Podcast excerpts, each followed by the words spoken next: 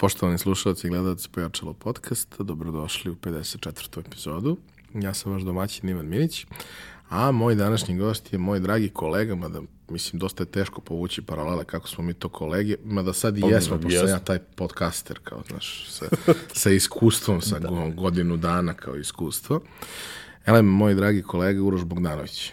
Urošev glas ćete prepoznati iz, iz mnogih nekih ovaj, i audio džinglova i raznih nekih reklama i sa radija, ali ono što sigurno niko ne zna od, od vas Urošu da je on zapravo u suštini po struci lekar. Pa, nisam po struci lekar, ja sam doterao te studije do kraja i nikada nisam ni državni ispit ovaj, položio i sve to što treba i nisam ni radio u struci od početka studija ja sam u nekim medijima, to je ono što ljudi znaju i tako pa, me i, i prepoznaju. Radio, Ima TV. Ima mnogo načina da se leče ljudi. Da, lečimo se danas preko interneta, preko Google-a, tako da sasvim je okej okay šta god da radiš. Mislim, to je to. Kako bi ti opisao ono čime se danas baviš? O, kud odmah najskuplje pitanje. Danas se bavim zapravo core biznis moj je medijski konsulting, koji je usmeren više ka inostranstvu, manje ka Srbiji. U Srbiji radim sa radiosignalom u Novom Sadu.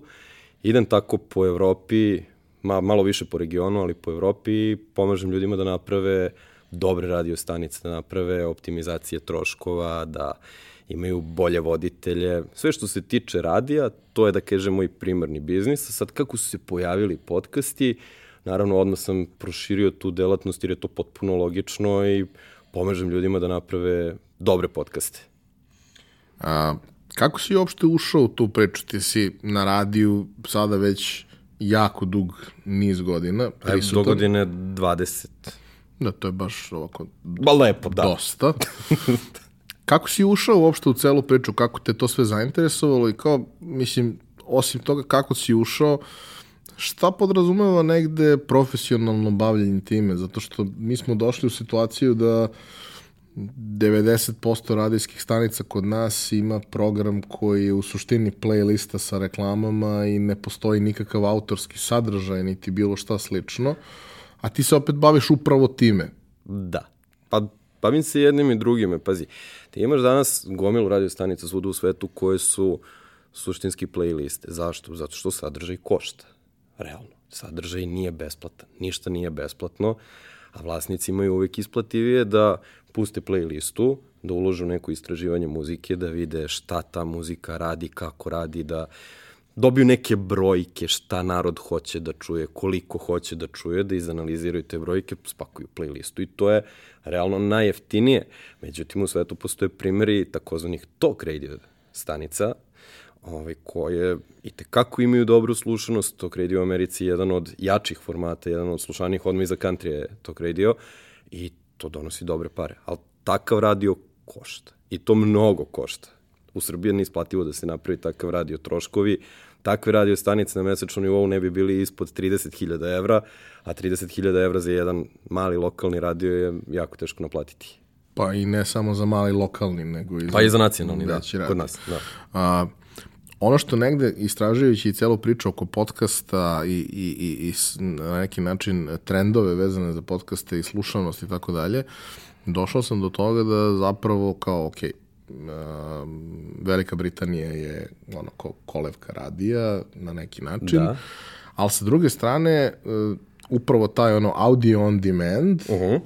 uh, i autorski audio sadržaj bilo u formi audio knjiga ili u formi podcasta, su sve slušani u Americi. Da. I onda kao, a zašto su slušani? Onda vidiš kojim gradovima su slušani i skapiraš da sto ljudi koji provode po tri sata dnevno u, u automobilu. Upravo to. I nešto kao pokušavaju da urade što nije baš potpuno besmisleno. Da, pa, pa to je zapravo kad pričamo o podcastima, jedno od glavnih pitanja koje me pitaju ljudi, a koliko da mi traje?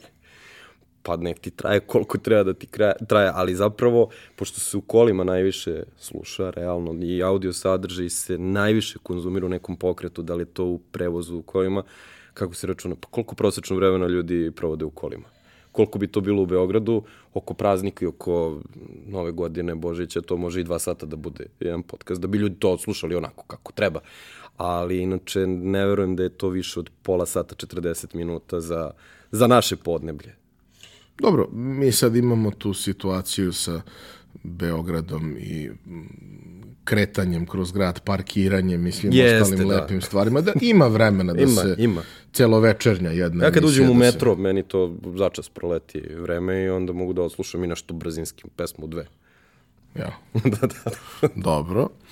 Ovaj, ok, ali kako si se ti upoznao sa radijom? Šta je bio tvoj prvi kontakt sa radijom, ne sa slušalačke strane, nego pa, sa sa autorske strane? slušalačke, pa sve to povezano. A, samo sam jednom ja to zapravo u etru rekao kako sam ja počeo da radim na radiju i kada je moj prvi kontakt sa radijom bio. To je bilo 84. Kakav pogled. 84. godine a, je bila promocija ili čak 85. Sad da me ubiješ koje godine bila promocija na Radio Beogradu preslušavanje albuma Riblje čorbe Osmi nervni slom. Bora gost u studiju, ja kao klinac koji je tek otkrivao neku muziku, roditelji mi to puštali, jeli, meni se svidela ta pesma Nemoj da ideš mojom ulicom i ja sam jedva čekao da se uključim. Ja iz druge sobe sa onim starim telefonima, ono što se vrti zvao Radio Beograd, za to vreme mama uključila kasetofon da snimi to, jer sam ja dobio vezu, jeli? I tad je bio prvi kontakt gde sam ja voditelju rekao ja ću jednom raditi na radiju. Zapravo, to nije bilo u programu, ali ja sam to rekao. Ja sam uživo u programu preko telefona sa Borom pevao, nemoj da ideš moju ulicu. Ja taj snimak imam i dan danas, imam na ovom Soundcloudu. Ovaj, to je bio spektakl. Nakon toga, s osnovnom školom, ja sam pravio radio, volao sam košarku, volim i dan danas. I moj radio se zvao Radio Koš. Nekada se nije pravio radio sa um, MP3 playerima da pustiš na klik, nego su se kasete motali, ti si morao da snimaš i trake, tako su radile radio stanice. Mislim, Radio Beograd, pouzdano znam i dan danas mota neke trake. Ovaj, I snimao sam ja sa pesme na pesmu, pa sam montirao, ne znajući da je to nešto slično u to vreme i Minimax radio na Tup Tupu. Ja sam imao te neke svoje emisije koje su bile klincima naravno smešne i to sam puštao drugarima u osnovnoj školi. I onda se desila srednja škola kad svi poludimo, jeli, tu smo svašta radio, završio srednju školu, upisao faks, slušao radio u kolima i opet pozvao radio. Tada je bio jedan sjajan voditelj i sjajan kviz na Beogradskom radiju koji više ne postoji, da ga ne imenujemo, ja se javio da učestvujem u kvizu. Ja pobedio u tom kvizu i kažem voditelju, umesto on meni da kaže ostani na vezi da pričamo tvoje podatke, ja kažem, e, ajde ostani ti na vezi da mi nešto porazgovaramo. Ja imam ideju za jednu emisiju. I on koliko je lud, i to je bila moja sreća, on prihvati da se vidimo, odem ja sa njim na sastanak, da se dogovorimo oko moje autorske emisije. Naravno, on preradi, u roku od dve nedelje gazde radija prihvate tu ideju i nas dvojice radimo kao voditelji. I zapravo od tada ja počinjem da radim na radiju. Koje su to godine? Pa to je početak 2000-ih, kako sam ti rekao da će biti sada 20 godina kako ja radim izračun. Dobro. Luda priča. A e, kako je to izgledalo, osim, da kažem, tog nekog početnog entuzijazma koji svako ima, nikad nije problem snimiti prve tri epizode bilo čega, Da. ili prvu. Mislim, tad ti je frka i izazov ti je tehnološki, nisi baš 100% načisto i sve to, ali kao zapravo je najveći problem održati i entuzijazam i kvalitet kroz vreme. Kad taj neki ono inicijalni puš koji dobiješ malo splasne, jer kao stvari se normalizuju, kako je izgledala scena tada, kako je izgledalo raditi na radiju? To su neke godine u kojima ja, mislim, malo glupo zvuči kad to kažeš, to su bile neke godine nade kad je sve išlo nekako na bolje. Pa da, jeste. Mislim, sve to hiperprodukcija realno na dnevnom, nedeljnom nivou, u zavisnosti od toga šta se radilo. Prošao sam ja i te nedeljne emisije, neki stari sistem rada sa toncima, prošao sam i dnevne, svaki dan, prošao sam kratke forme. Sve to manje više po formi, što kažeš kao podcast i ti ulaziš u hiperprodukciju.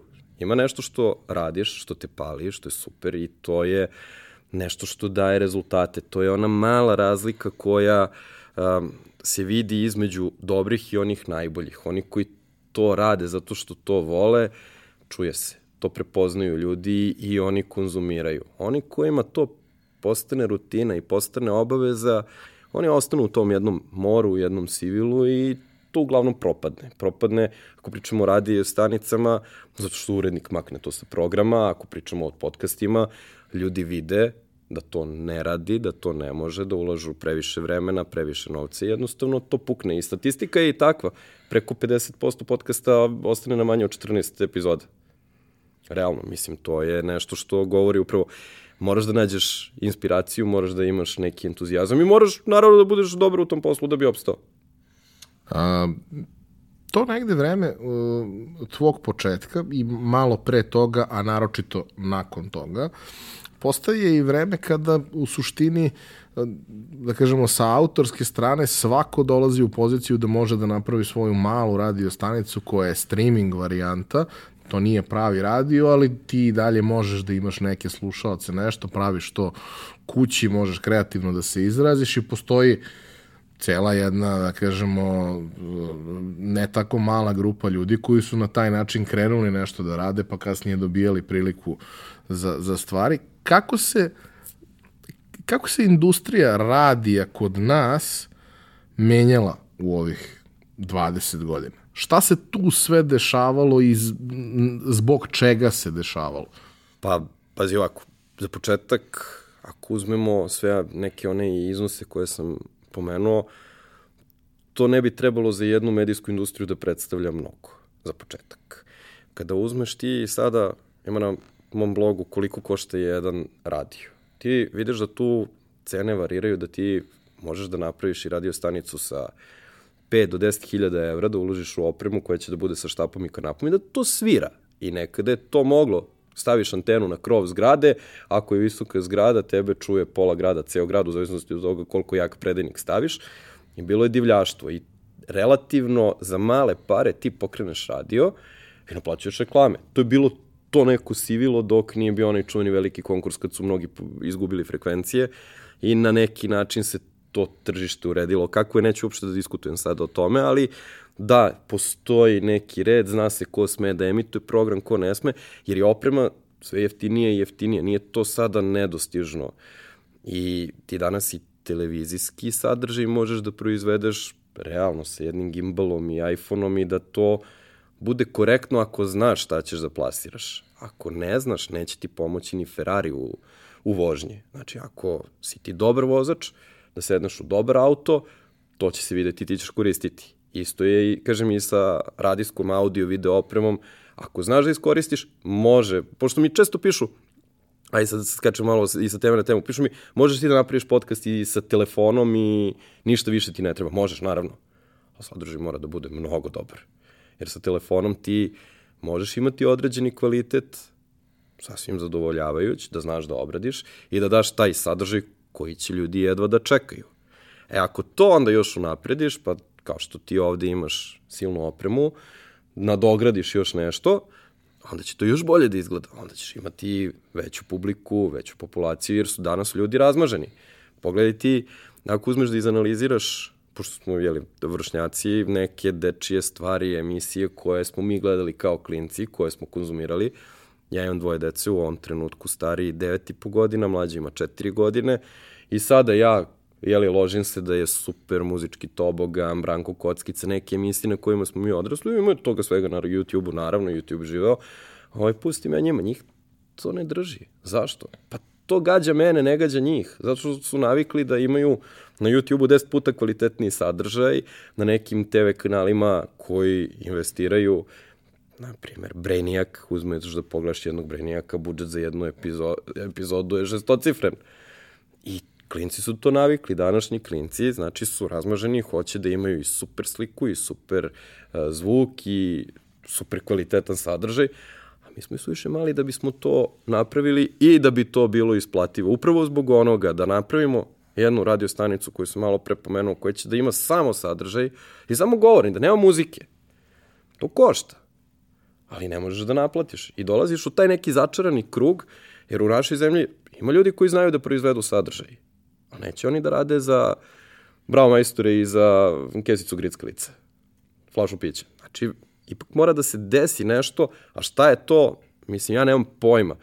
Ali mora da se desi da bi sve to bilo zadovoljeno. Jer kada budemo imali tu situaciju da ti ja sad rešimo, hoćemo da pravimo srpsku verziju Brainiac, znamo mi kako ćemo to da napravimo ali onda mora da se javi neko ko će to da plati. U ovom trenutku takvih nema.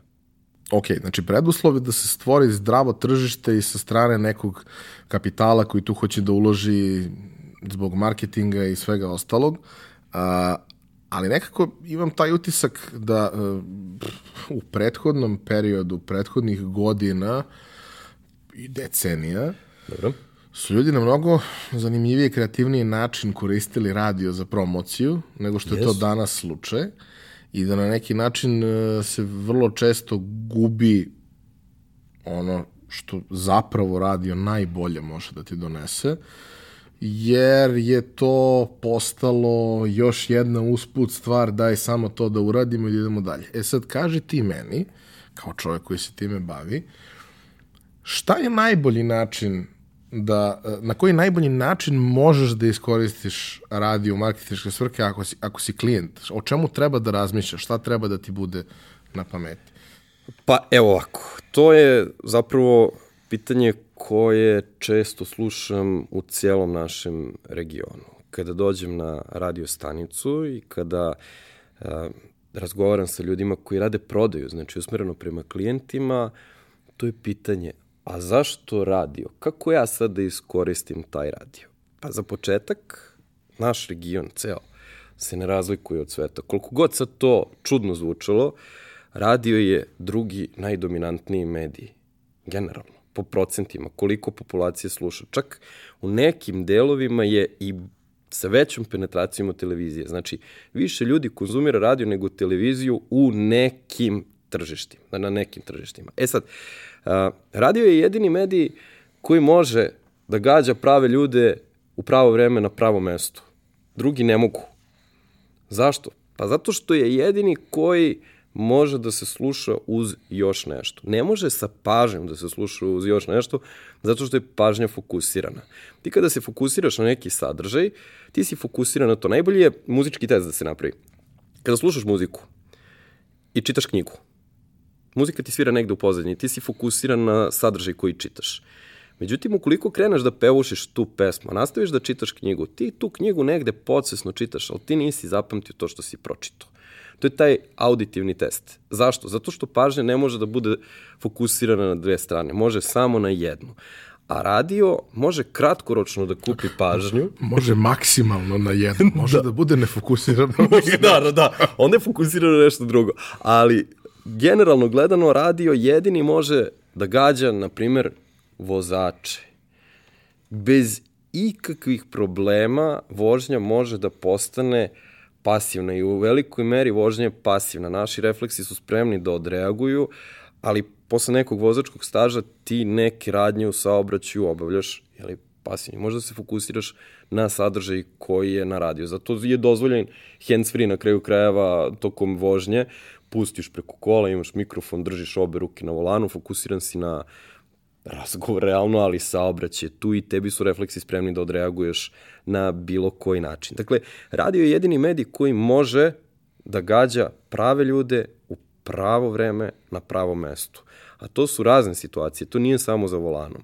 Svuda se sluša radio kod kuće, pa čak i kod nas. Sve brojke koje relevantne kuće koje rade istraživanja kažu da se radio podjednako kao i u kolima sluša kod kuće. Sad, koliko god to neverovatno zvučalo, onima koji kažu ja ne konzumiram, to je tako. Zato što mnogi, recimo, uključuju ujutru televiziju, pusti jutrnji program i ne sede da gledaju taj jutrnji program, nego obavljaju svoje jutrnje aktivnosti. Govorim sad o nekim zaposlenim ljudima koji imaju svoju dnevnu rutinu.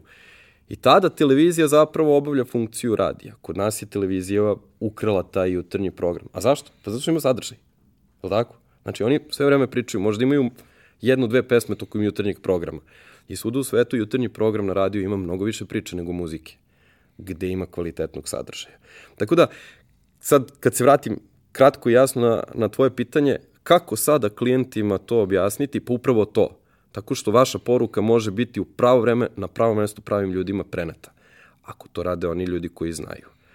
I postoje naravno i druge strane medalje klijenti, to su oni koji sve znaju, koji bi hteli da daju i krvnu grupu gazde u svom radijskom spotu, a to ne ide. Mislim, to ne može. Radio, kao i svaki drugi medij, nije sve moguće. Ne postoji ti sada da kažeš, ej, ja sam sad sa radija, ja ću sve da završim. Ne, ne može. Postoje tačno jasne stvari koje mogu i one koje ne mogu. I uvek je borba, klijent misli da radio stanica hoće da ih zezne, pričamo onima koji rade šta, šta znaju i kako znaju da rade, a radio stanica misli da klijent je nadobudan i nadmen. A svi imaju interesu. Radio je u većem interesu da mu se taj klijent vrati. Ako već znaju šta rade i ako kažu, ok, mi ćemo vam dovesti određen broj kupac u vaš butik. Mali biznis, na lokalnom radiju je realno da se butik oglašava, pustite onda ljude se radija. To je nešto što su oni učili, što su radili, ako znaju šta rade. Iako je to teško, teško je probiti te barijere, pritom cena reklame na radiju je bezobrazno niska kod nas. Bezobrazno niska. To bi trebalo da bude bar pet puta više, shodno tome šta radio može da uradi. A sad da se dotaknemo i podcasta, iste situacija. Identično. Podcast može da gađa prave ljude u pravo vreme na pravo mestu. Podcast koji je namenjen vozačima, slušat će se u kolima. Podcast koji je namenjen kuvaricama, slušat će se tada. Podcast koji je namenjen nečemu petom, sportistima, sportskim kladionicama, slušat će se u kladionicama, slušat će se na putu do kladionice. Znači, tačno može precizno da se gađa i niko ne može sve da pokrije. Ni ti sa tvojim podcastom ne pokrivaš sve. Daleko od toga. Pa upravo to. Oni koji žele nešto više iz politike, oni će čuveno istraživačko novinarstvo slušati preko podcasta. Jer takvo istraživačko novinarstvo koje se tiče politike idealno je za podcaste. I to će ljudi koji treba da čuju čuti. Nekako imam utisak da je postao prilično veliki problem staviti na neki način u trenutku planiranja budžeta za oglašavanje i sve ostalo opredeliti dovoljno sredstava da se svaki kanal na pravi način iskoristi. Da. To je ona čuvena priča, imamo dobar TVC i može on da ide na YouTube. Može, on, može, ne može. ali ne treba. ne treba, tako je. Da li može? Može, može. ali ne treba. A znaš šta je vrhunac? Što taj TVC sa televizije, jeli, TVC, uzmu audio i krknu ga na radio. Pa ne ide, ne može. Znači, treba napraviti jedan optimalan medijski miks i mislim da se sad i kod nas ta neka barijera digitalno, tradicionalno nekako spušta. Digitalci, sa jedne strane samo digital treba lupati u digital, treba ovo, treba ono. Tradicional, ma ne, treba samo TV, radio, print. A zapravo, istina je negde na sredini. Treba napraviti optimalan medijski miks za oglašavanje. Ako si klijent i ako želiš i to treba da naprave ozbiljni planeri. Realno. I nije sve za svakoga. Radio treba da bude skup i radio ne može da bude za nekoga ko tek počinje i želi da radi samo prodaju preko Instagrama, jer uglavnom to na crno. Mislim, to ne može da bude za radio. Ne može da bude, ali ponekad takve pa. stvari i, i jesu, jer se svi dovijaju i traže način da, da. na kraju dana pokriju troškove koje Tako. imaju. A, kaži mi, kroz tvoju radijsku karijeru, Dobro. pre nego što si počeo da se baviš svim ovim ostalim, a, šta si od formata radio, šta ti je bilo najinteresantnije a, kroz koje situacije si najviše učio, od koga si najviše učio da bi postao prvo dobar jako u svemu tome, a onda i neko ko, ko je toliko dobar da će ga ljudi angažovati kao savjetnika kako da oni naprave neku zaista kvalitetnu stvar. Pa, to sam stvarno više puta pričao, istina nikada javno, ovo možda je sad najbolji ovaj moment da kažem zapravo prve te korake sam naučio od mog danas jako dobrog drugara Baneta, koji me uveo u radijski svet i koji me je a, na prepad ubacio u vatru, jer sećam se kao da je juče bilo, kada smo radili jednu večernju nedeljnu emisiju, svake nedelje je bila, ovaj, namerno je kasnio da bih ja sam počeo. Najteže je početi. Sve je to jako teško, super, ja sam imao ideju, ja sam to volao, ali zamisli sada mikrofon, evo ga tu je, tonac preko puta, radio sam sa toncem, takođe je danas isto drugar, Aleksandar koji je radio sa nama, gleda i sad ja treba sam da najavim emisiju, za koju sam dao ideju, ali sam. I on me zove, kaže, mali, neću stići, moraš da počneš, pa ti normalan. Man čoveče, kada ja da krenem sam. Kaže, ja ne mogu da stignem. Ja sedim, razmišljam šta, pa dobro, nema veze. U svakom slučaju, ja i dan danas mislim da je on namerno kasnio da bih ja to počeo sam, jer je znao kako to treba. I od njega sam naučio takozvane radijske cirkularne rečenice, da pričaš u prazno, da ništa ne kažeš. I to je zapravo najveća premija koju jedan radijski voditelj može da ima. Zato sam ti pitao koliko mi treba ovde da pričamo. Nije problem i 5 sati da pričamo i da danas je pojačalo, odnosno ova epizoda traje koliko god treba. Jer pričati u prazno je odlika radijskih voditelja. Kada treba? E sad, formati, pa čekaj, pa hoćeš i da kažeš? Ne, ne, samo ne. sam teo da kažem, u jednoj epizodi sam baš pomenuo svoje iskustvo uh, kao uh, sportskog komentatora početnika, gde sam ja kao, ja sam spreman za to sve i sad ulazim u prostoriju i blokada potpuno. I pa kao, da. kada krenem nešto, pa to bude užasno blokada potpuno.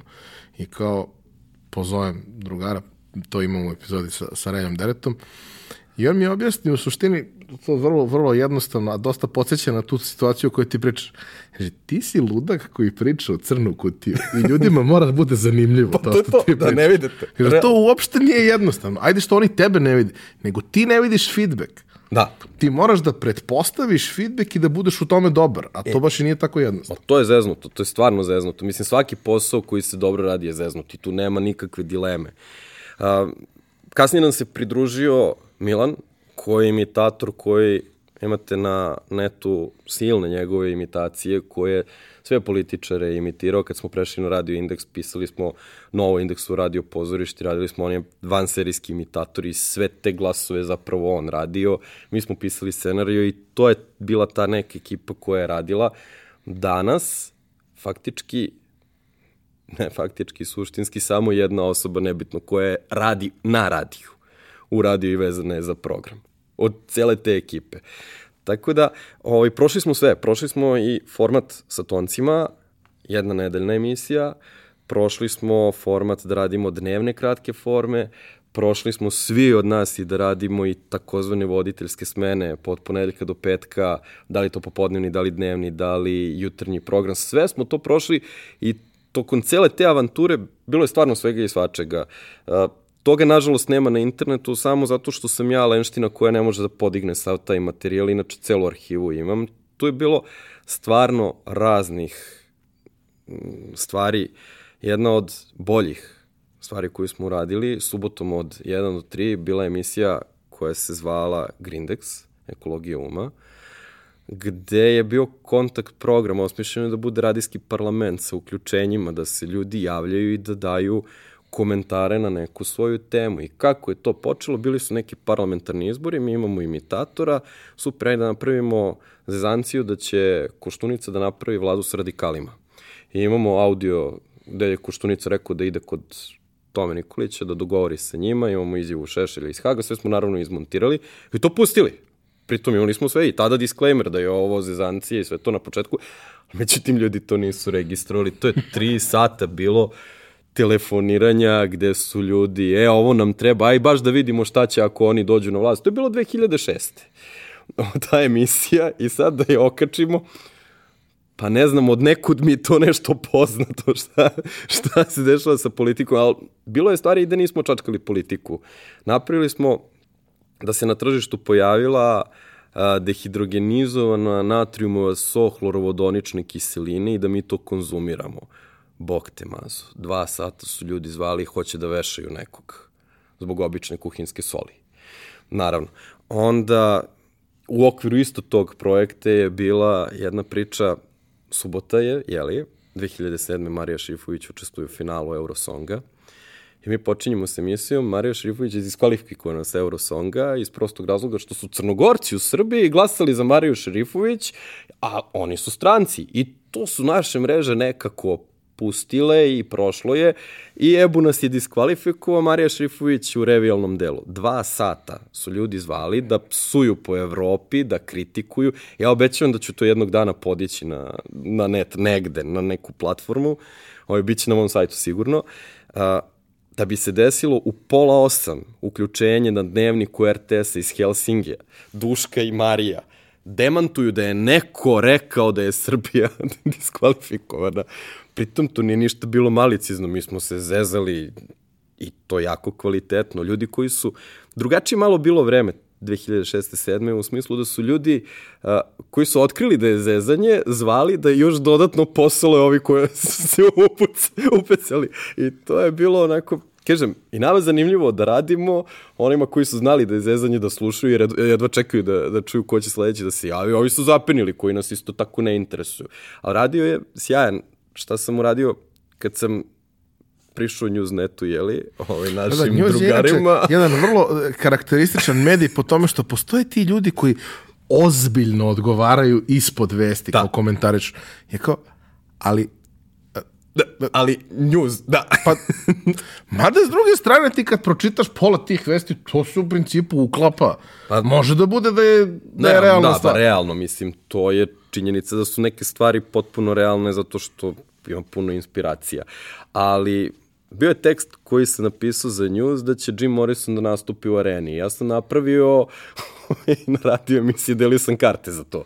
Ja sam podelio, ja mislim, 500 karata za koncert Jima Morrisona sa svim onim tekstovima na njuzu gde ima da je Cemetery Sound, ovaj organizator koncerta, da je on tražio forma, formaldehid, energetsko piće u backstage-u, da mora da bude hladno ili ti hladnjača kao backstage. Sve, sve to bilo toliko absurdno na, na mnogo nivoa, ali ljudi su se javljali. Znači, to, to je neverovatno i to može na radiju da se uradi bez ikakvih problema i takve stvari su obeležile realno moju radijsku karijeru. Mislim, bilo je toga Da, da baš... varaš i lašeš ljude u pa, suštini. Ako to ne radi. Nije, ali, znaš, kad razmišljam malo godinama unazad, ono, kako smo prvi put napravili kancelariju, pa nešto se uvek vrti u kancelariji i sluša da. se. Nekad je to playlista sa kompa, nekad je to neki radio čak smo ono kao u nekom trenutku formirali te neke rituale, sluša se to, tog i tog dana se sluša ta i ta emisije i kad sedneš malo i razmisliš, većina tih emisija su bile zapravo humorističke. Pa naravno. Jer kao u ono, realno uh, prilično tmurnoj svakodnevnici, to je jedan lep način da kroz jedan dinamičan kontakt program sa nekom dobrom muzikicom koja tu ide, uh, i čuješ neke aktuelnosti usput i do, dođeš do nekih dobrih novih viceva koje možeš da pričaš to sa ljudima za koje znaš da ne slušaju to sve. Ali kao imaš ono nekog materijala, ja generalno jako verujem u te neke lepe rituale koje treba formirati u svom životu. Ono kao, znaš, ne znam, jednom mesečno se ide u pozorište. Pa ne, ali znaš, ne, jednom mesečno se. se ide. Pozorište, bioskop, šta god jednomesečno se ide u kafanu, dobro, može i češće može da se ide u kafanu, da. ali kao da, da treba napraviti neke te takve stvari i, i održavati to i ja negde kao ne, ne mogu sa kažem strahujem za audio kod nas, Ma da autorski da audio sadržaj, zato što mi nemamo naviku konzumiranja takvih stvari. Mi imamo naviku da pustimo muziku u kolima dok vozimo, ali nekako se plašim, sa više strana sam recimo čuo uh, da neke izdavačke kuće ulaze u audio knjige. Meni to zvuči fantastično i audio knjige obožavam. Da, naravno. Do sad ih skoro nikad nije bilo ovde, uglavnom je to bilo na nivou projekta. A tu im je Urađen. problem, znam pouzdano za, za tako nešto, problem su autorska prava, gde je tu još uvek nedovoljno regulisano šta kako dogovoriti sa autorom, pa onda problem piraterije i monetizacije tih audio knjiga, sve to realan problem koji uh, Nadam se da su dobro rešili, jer bi trebalo da reše, ali um, neće audio da izumre. Neće, nema šanse. Neće ni televizija da izumre. Izmenit će se samo način života, način konzumacije svega toga, ali neće to da nestane. Mislim, kažu, televizija je mrtva. Televizija nikad nije bila mrtva i nikada nije bila dominantnija. Ti sad konzumiraš video sadržaje.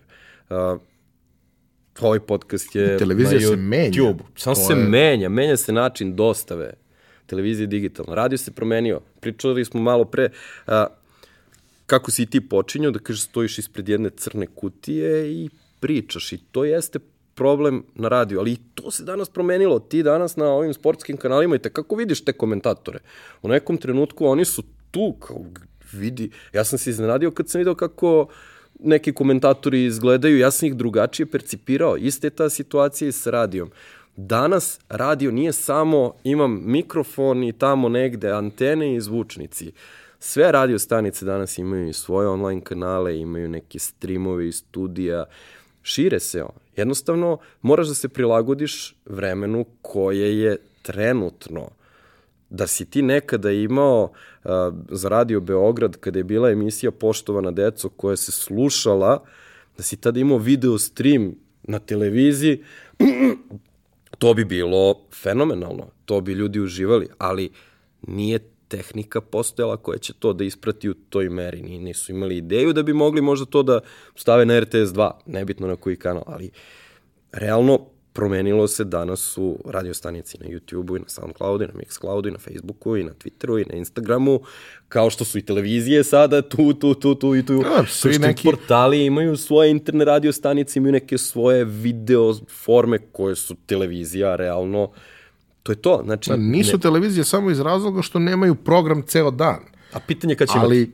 to je samo stvar ono, organizacije, vremena, para, imamo sada sve više slučajeva da lagano neke ozbiljne medijske kuće formiraju dovoljno sadržaja da bi mogli da kažu da imaju televiziju, to, to. neke i rade na tome da naprave pa, full time televiziju, kablovsku znam da, i tako da dalje. Da mnogi veliki klijenti kod nas upravo to planiraju.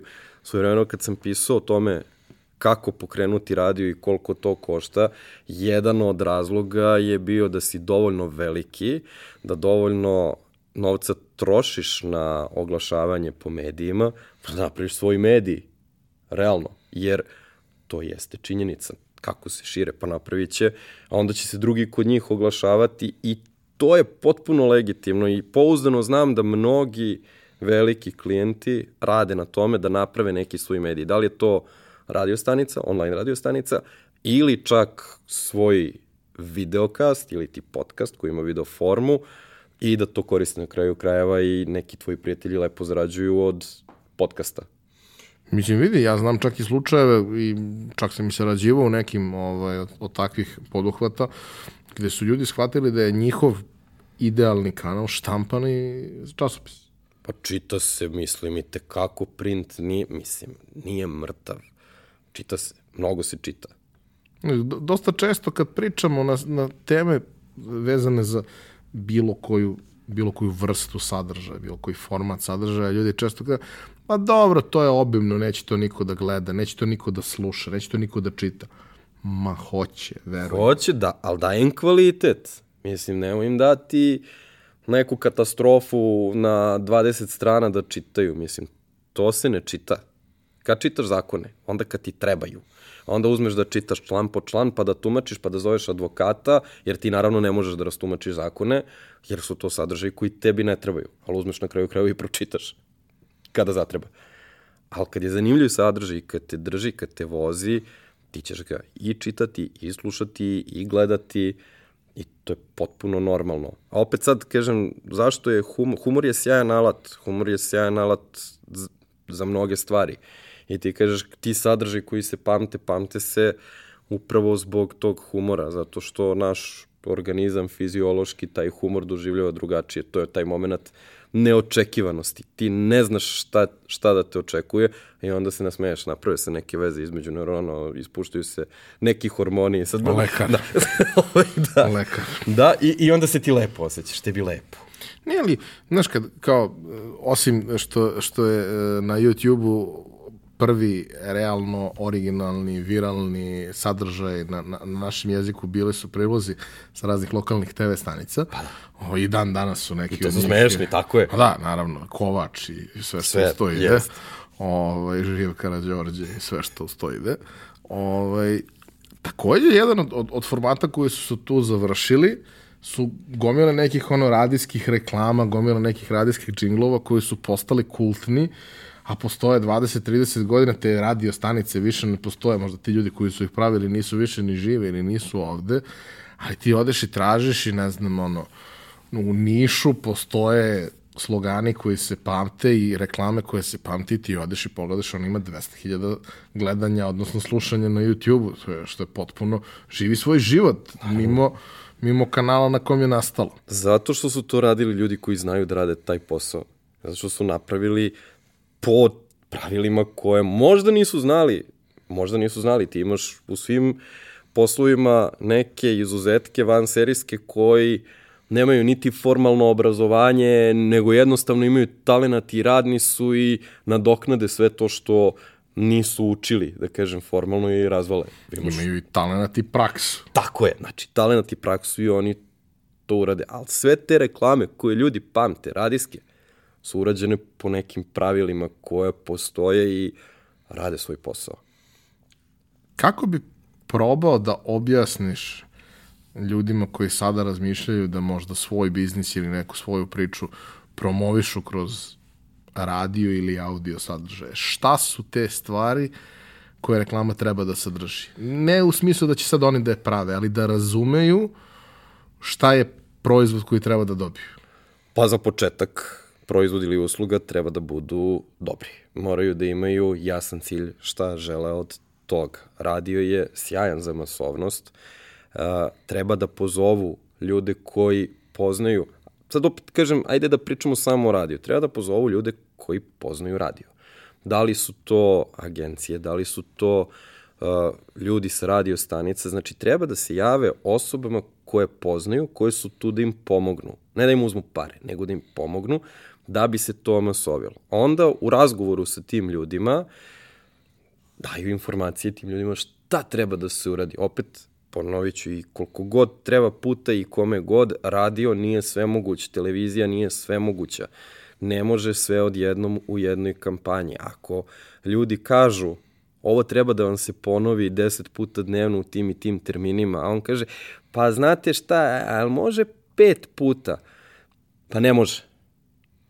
To treba i ljudi sa radija da znaju da kažu da ne može. Nije poenta nekom novom klijentu jednokratno uzeti 100-200 evra za kampanju ili više i da se taj klijent nikada više ne vrati. I onda će on da bude nezadovoljan i reći će, e, znaš, nisu mi uradili ništa sa reklamom. Pa nisu, zato što je bila osuđena na propast u samom početku.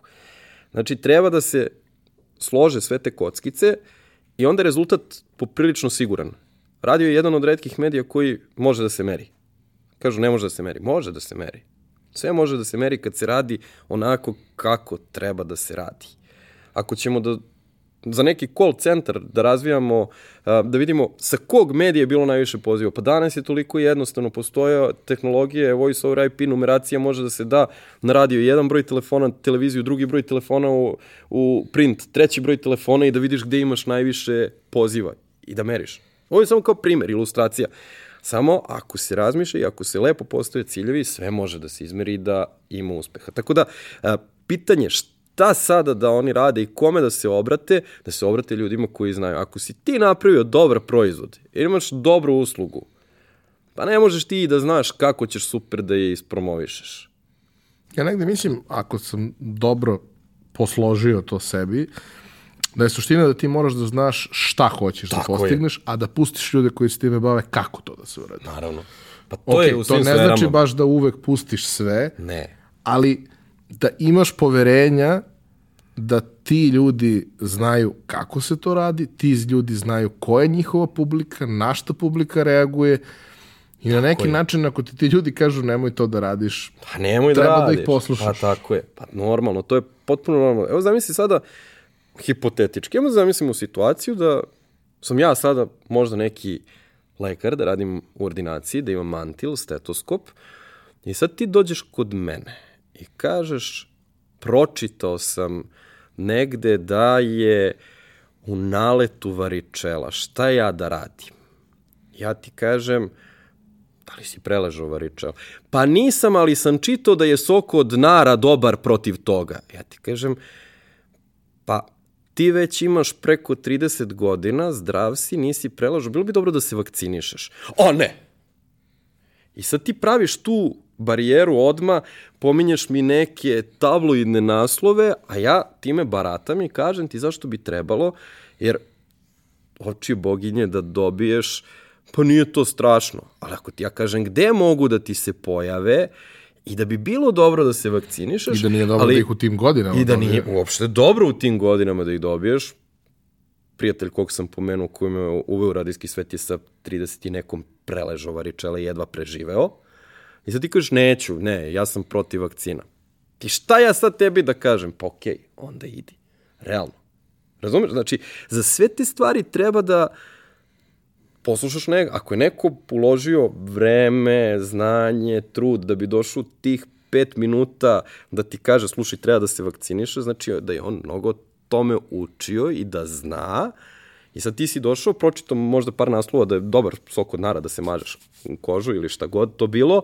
Ne bi, možda i jeste. Da, dajem samo čisto onako slikovit primjer. Ja, nar voli. Da, i sad, da, no, normalno, pa ko ne voli. Ove, I ti kažeš, on meni ništa nije pomogao. Pa ne, on ti je pomogao, ali ga ti nisi poslušao. To, to je ogromna razlika. Tako da, i za ovu stvar, znači, sve zavisi čime se bavi, da li je to proizvod, da li je to usluga. Možda nije za radio, možda nije. Možda je isključivo za online. Možda nema potrebe. Jedna od velikih grešaka koju radio stanice prave svi ljudi koji rade prodaju u radio stanicama i to, to nekako prolazi. To je oglašavanje hotela. Radio stanica iz malog mesta dogovori sa hotelom da se oglašava tu. Vidi, to može da bude okej, okay, ako taj hotel ima salu za bankete i tako dalje, ima poeta. Rođendane, da. svadbe. Ali ja mislim da u svakom mestu ima mali broj onih koji žive u tom mestu koji bi kupili neki voucher za sedam dana. Realno. Ili da akcijski. da nisu primetili da ima hotel. Da, da, da nisu primetili. Mislim, ali to je na, na svim tržištima u našem regionu situacija da imaš zapravo malim radiostanicama, to nema na nacionalnim, ali da se hotel iz tog mesta reklamira na toj radio stanici, umesto da se malo izmešaju da hotel iz Subotica ima oglas u Nišu i suprotno, što bi bilo logično, ali toga nema. A misliš da toga nema zato što ne postoji nekakvo udruživanje tih malih lokalnih stanica u nešto gde bi mogli zajedno da sarađuju ili da, pošto koliko znam, dosta i televizijskih i radijskih sadrž, e, stanica razmenjuju sadržaje da bi upotpunili program jer je teško proizvesti dovoljno sati programa. Pa, da, postoje i content delivery, postoji udruženja i tu su mi stvarno mnogi poznanici, daleko je to od onoga kako bi to trebalo da bude. Mislim, ne možemo mi da pričamo o raznim udruženjima ako ta udruženja ne rade u interesu industrije, nego kroz sva ta udruženja, stvarno ima ih nekoliko, ovaj, da treba da se napravi da svi budu članovi bilo kakvog udruženja, televizija, malih emitera, radio stanica i da imaju zajednički cilj. A zajednički cilj je da se promoviše radio kao medij, televizija kao medij, novine kao medij i da ljudima dignu svest zašto bi trebalo tu da dođe. Mi nemamo nešto slično kao Englezi, gde imaju jedno telo koje štiti isključivo sve privatne emitere, drugo telo koje štiti javni servis, BBC kao najveći, i onda imaju zajednički to telo koje će da radi promociju radija. Mislim, pa to je fantastično. Dobijaju i rezultate raznih istraživanja, dobijaju značajne podatke i oni promovišu radio. Evo sad su skoro pustili kampanju promocije radija, uh, Uh, sjajan je radijski spot, idete na radiocenter.org. Uh, jedini medij koji ide spot. Ne možete da ga scrollujete. Radio. Pa kreće radijska reklama, onda ćeš pop-up. Morate da prihvatite te i te uslove. Toga nema na radiju. I znači promoviše radio. Uopšte nije sad da promoviše klijent, nego promoviše radio kao industriju fantastično i to emituju sve radio stanice. Tako da, to bi trebalo kod nas da se podigne na jedan mnogo viši nivo. A sad, e, možda će ovo što ja sad kažem da zvuči glupo, ali ti kada to plasiraš kroz radio, plasiraš ljudima koji već slušaju radio. A da. zar nije logično da to plasiraš kroz drugi medij, ne bi li nekako malo ukrao publike od tog drugog medija? Pustili su oni kroz druge medije, pustili su i billboard kampanju, pustili su i TV kampanju, to je jedna sveobuhvatna kampanja koju su uradili, konkretno Radio Centar u Engleskoj, i pustili su i na radiju. Zato što radio slušalac je i klijent i običan slušalac. I radio ima, opet kažem, toliku penetraciju da ljudi nisu ni svesni da ga slušaju, a slušaju ga. I ti ne znaš kada će te čuti. Kada pričam sa ljudima iz radija, kažu, ma dobro, noć je nebitna. Ne, ne sluša se noć u radiju. Sluša se. Ne u toj meri, nije to pik da veliki broj ljudi sluša kao jutarnji ili popodnevni program, takozvani dry time.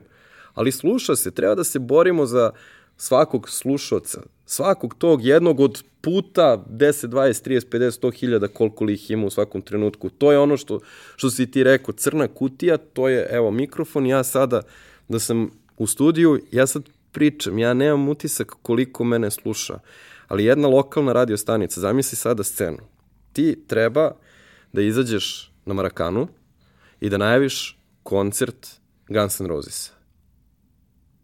Čekaju te.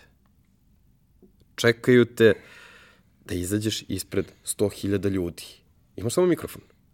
I svi te gledaju. A ti treba da budeš mnogo jak da najaviš te ganse. To radijski voditelj radi svaki dan.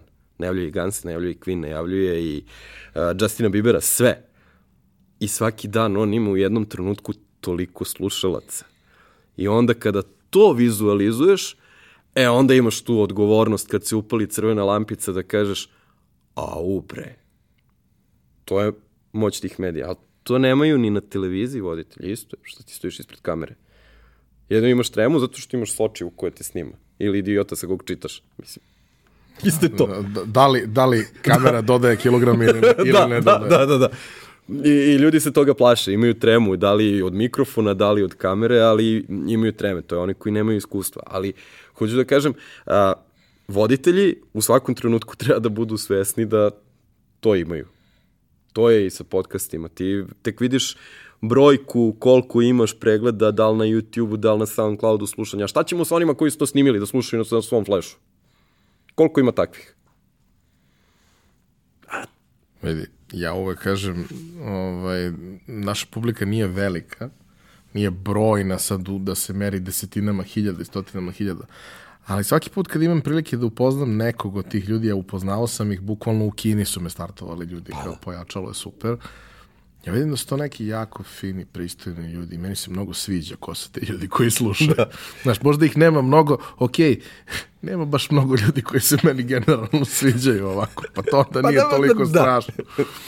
Ovaj, e, ono što bih voleo sad, pošto si pominjao to, uh, hajde da probamo da posložimo ljudima negde te neke metrike, te neke statistike, to nešto što, što se priča, gde kažeš da radio jeste toliko jak i da stalno postoje ovaj razne vrste istraživanja koja su dostupna. Kapiram da ih kod nas baš nema toliko često. Nema ih toliko zato što nisu jeftina, mislim, i nikome nije u interesu da troši silne pare koje ne može da nadoknadi da bi to dokazao, ali trendovi koji govore koliko se radio sluša su u celom svetu isti.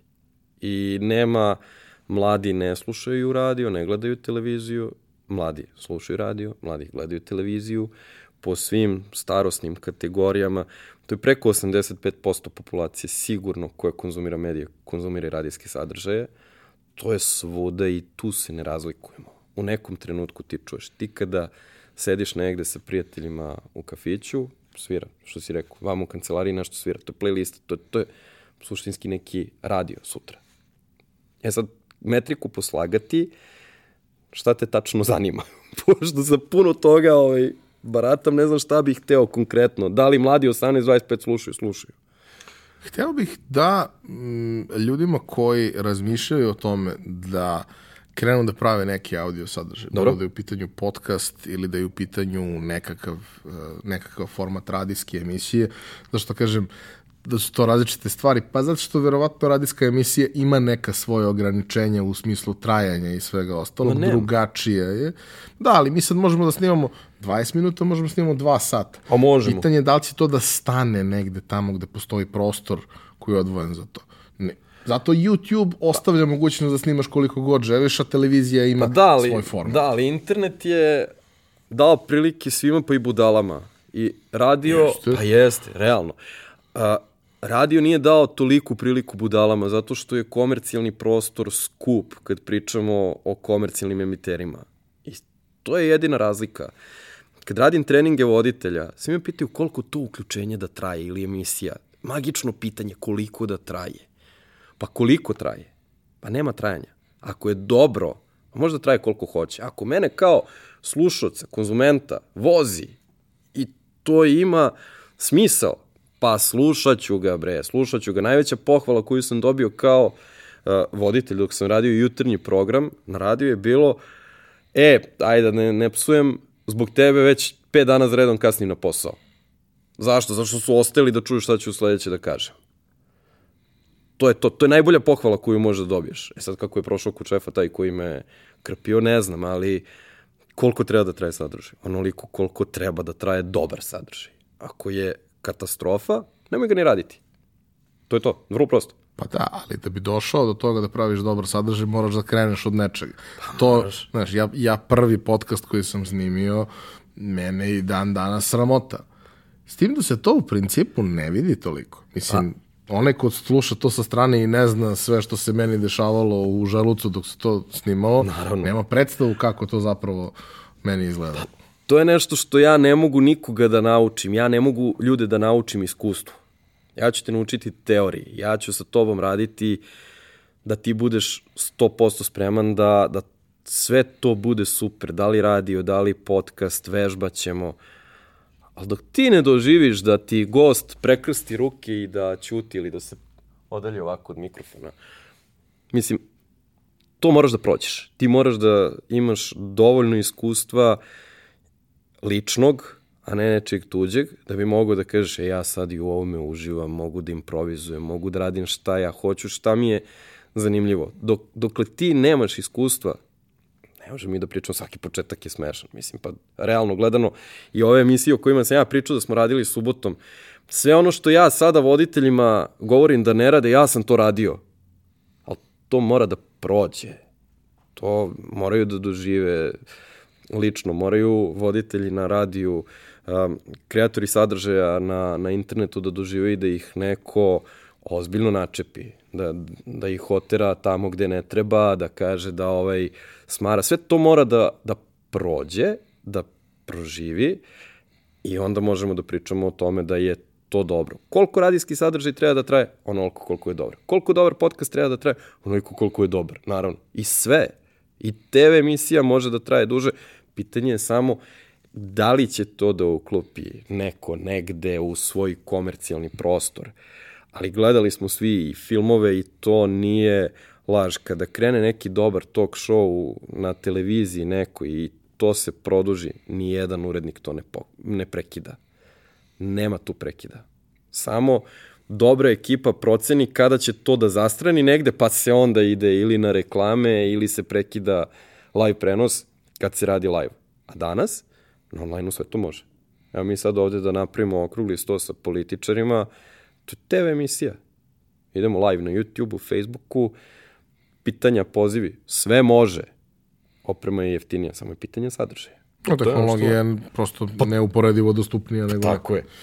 Ja nikad neću zaboraviti jedan od ovako jačih ovaj, trenutaka u, u, u svom životu, a da ima negde veze sa tom strašću vezanom za, za, za posao komentatora, kojim se ja na kraju realno nikad nisam ozbiljno bavio, ali sam iz ugla novinara radio svašta nešto tu interesantno. Jednom prilikom pozove mene moj dragi prijatelj Srđan Erceg, odnosno pozove me zajednička prijateljica jer Srđan već četiri sata sedi u programu i priča. Ja sam naravno spavao jer je nedelja i to je jutro. Srđan je četiri sata u programu i priča i kao hajde neko da dođe da ga obiđemo da vidimo šta se dešava. Umeđu vremenu se tu pojavljuje i opet zajednički prijatelj i sve to i mi dolazimo i Srđan sedi i priča. Zašto Srđan se, četiri sata sedi i priča i ništa ne kaže? Mislim, priča to, to, to svoje, što je beskreno uvek zabavno i zanimljivo slušati. Zato što je velika nagrada Velike Britanije, ali je kiša.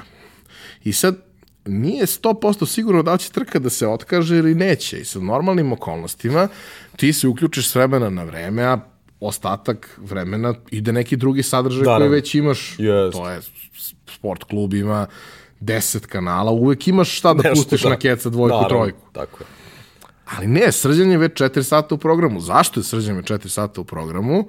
Zato što ja sedim pored Srđana, zvonim mu telefon, on se odjavi na sekund, ali ostane slika, javi se na telefon, direktor sport kluba kaže, nemoj da prekidaš, ovo je gledanije od svega ostalo.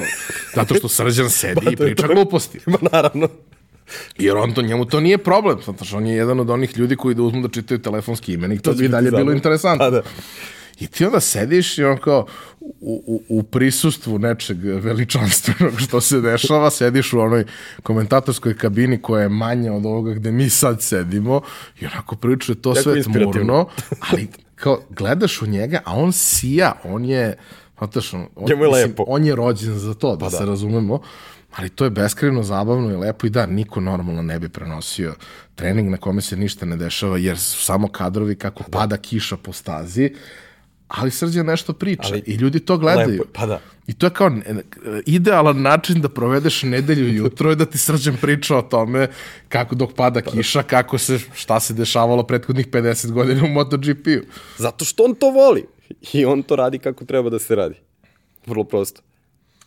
A, u više navrata sam imao tu situaciju da a, prisustujem tim nekim ovaj, prenosima koje je on radio i razne neke druge kolege i mnogo puta sam čuo i gomilu jako lepih pozitivnih komentara gde ti neko dođe i kaže vidi pre tebe MotoGP niko nije gledao bilo nas sto ludaka koji smo se skupljali sada je to jedan od pet najgledanijih sadržaja na, na kablovskoj televiziji sportskoj kablovskoj televiziji. Ali vrlo često ima i gomila negativnih komentara jer naravno čim nešto dođe do masovnosti, zakon Naravno, velikih pa- brojeva kaže da će biti i ovako i onako. Kako se nositi sa tim? Polako. Mislim, uvek će biti onih koji kritikuju. Kritike mnogo lakše dolaze. Nama je nekako u genima da samo kritikujemo, da mi sve znamo bolje i pametnije. Poslednja situacija ovaj je zviždanje zvezdinom košarkašu Filipu Čoviću i da se sad tu pravi ogromna priča oko svega toga. Mislim, najlakše da ja sad tweetnem, e, ajde, beži iz zvezde. To, to je stvarno najlakše.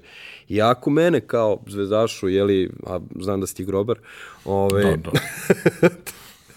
da, ovaj, realno boli kada gubimo, naravno, i vidim da to ne ide. Nije lako, bre, sići na taj teren, uzeti loptu, mislim, sve te okolnosti, ajde da zanemarimo i čiji je sin, on je tu u klubu i ti si došao da gledaš utakmicu i da navijaš za, za taj tim.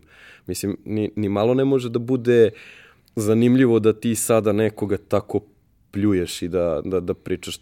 Ali to je nama u, u genima. Ušao sam u raspravu sa Jenkinsom na Twitteru kada je pitao posle utakmice zašto to radite. Mislim, on je krenuo da brani Čovića. Ja bih uradio isto to. Jako ja kao navijač ne odgovara mi da vidim da on gubi lopte i bolelo me je i, i svi oni porazi što sam video, bolelo me je. Ne mogu ja da dođem na teren da, da uz- zadužim opremu i da, da to rešim. Mene bi se ruke ocekle da uzmem loptu i da, da moram da šutnem. On je dobacio do koša, promašio, bože moj, okej. Možda, ali ne možeš ti sada da očekuješ da će se on super osjećati na sledećoj utakmici i da ako ima talenta i ako je dobar da on taj svoj talenat pokaže. Ali to je breme posla koji je izabrao, to je breme posla, sad se vraćam ponovo na medijski, ti si izabrao to da radiš nešto javno.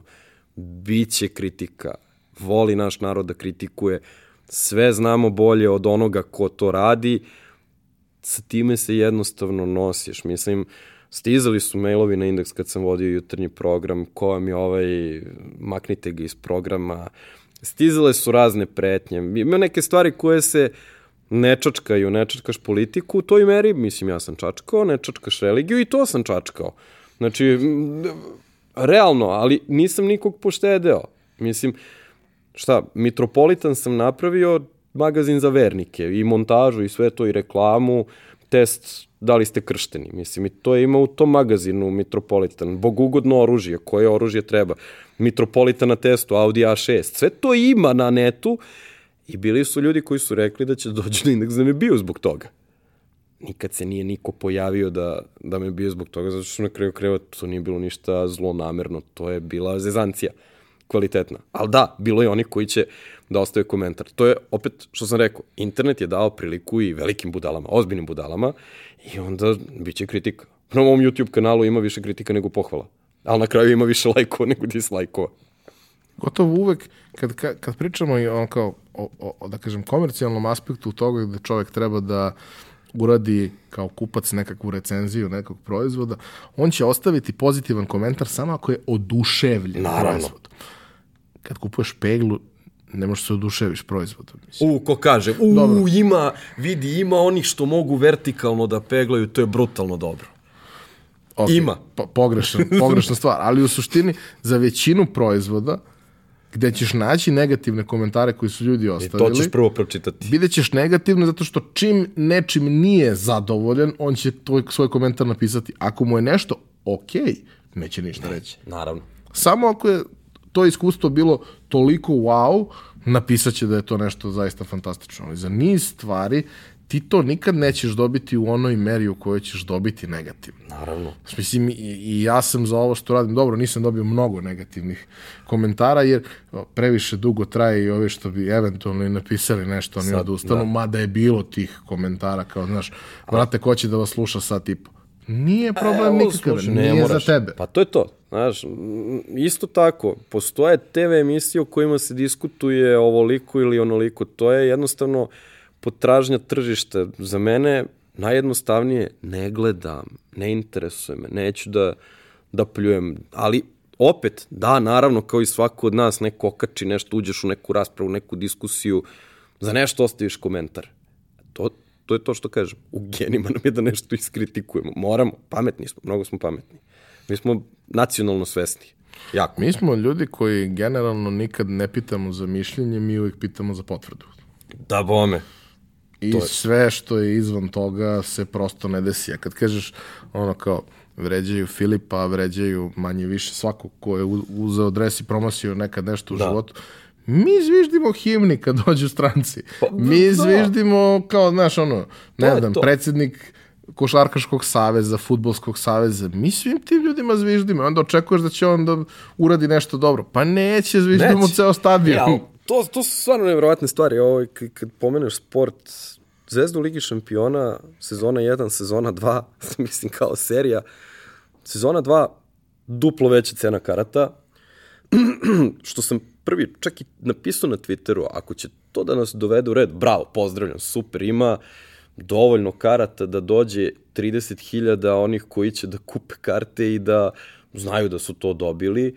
Međutim, ni to nije regulisalo. Bilo je situacije i na istoku i na zapadu. Čuo sam zvezdu Ligi šampiona sa tom cenom karata, ljudi nisu imali svoje mesta koje su kupili. Znači, ni visoka cena od 100 i nešto evra karata nas ne može da dovede u red. Zašto je to tako, ja nemam pojma. Pa, može biti da smo takvi. Da, da, da. Može da. biti da smo takvi. A, kažeš da dosta radiš sa regionom, a takođe znam da godinama unazad i dosta govoriš na stručnim skupovima širom Evropi i posećuješ te stručne skupove. Da. Šta su neke stvari koje kao ti dobiješ kao najveću vrednost na takvim dešavanjima? Zašto, zašto ideš tamo? Zašto idem? Ovaj, pa pre svega ti skupovi na koje me pozivaju, to nisu finansijski isplativi. Ja tamo ne zarađujem, ne znam nija kolike pare. Naravno, normalan, što ja kažem, uređen svet, sve to le, lepo plati za naše pojmove, su to super pare, ali to nisu pare sa kojima ti završavaš neka bitna životna pitanja. Za naše pojmove jeste to bolje.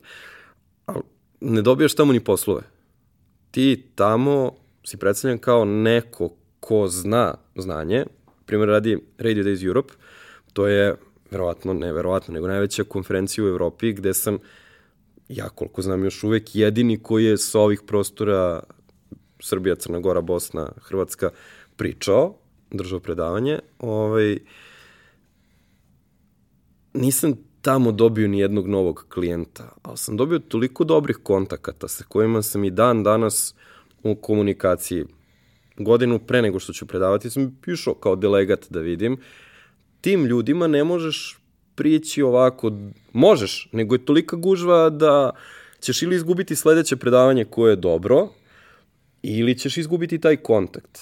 Međutim, kada ideš kao predavač, ti po defaultu njih upoznaš. Uglavnom organizuju neke radne večere gde se mi kao predavači upoznaju, imamo neki networking koji je nevezan za tu konferenciju i tu se naprave sjajni kontakti. I ljudi koji su u samom vrhu odjednom mi postaju dostupni kao na tacni, gde razmenim kontakte sa njima, razmenim neke iskustvo i znanje i to je zapravo najveća vrednost. U Briselu, uh, television konferencije, imao sam, mogu slobodno da kažem, čast da delim scenu sa verovatno najboljim marketarom na svetu, Markom Ricunom iz Australije, čovek koji upravo to, metriku i planiranje drži u malom prstu i kad vidiš njegov portfolio i, i listu klijenata, dođe ti da, da drhtiš kad staneš ispred njega, ali evo ja sad sa čovekom mogu SMS-ove da razmenjujem jer smo napravili super kontakt upravo na toj večeri.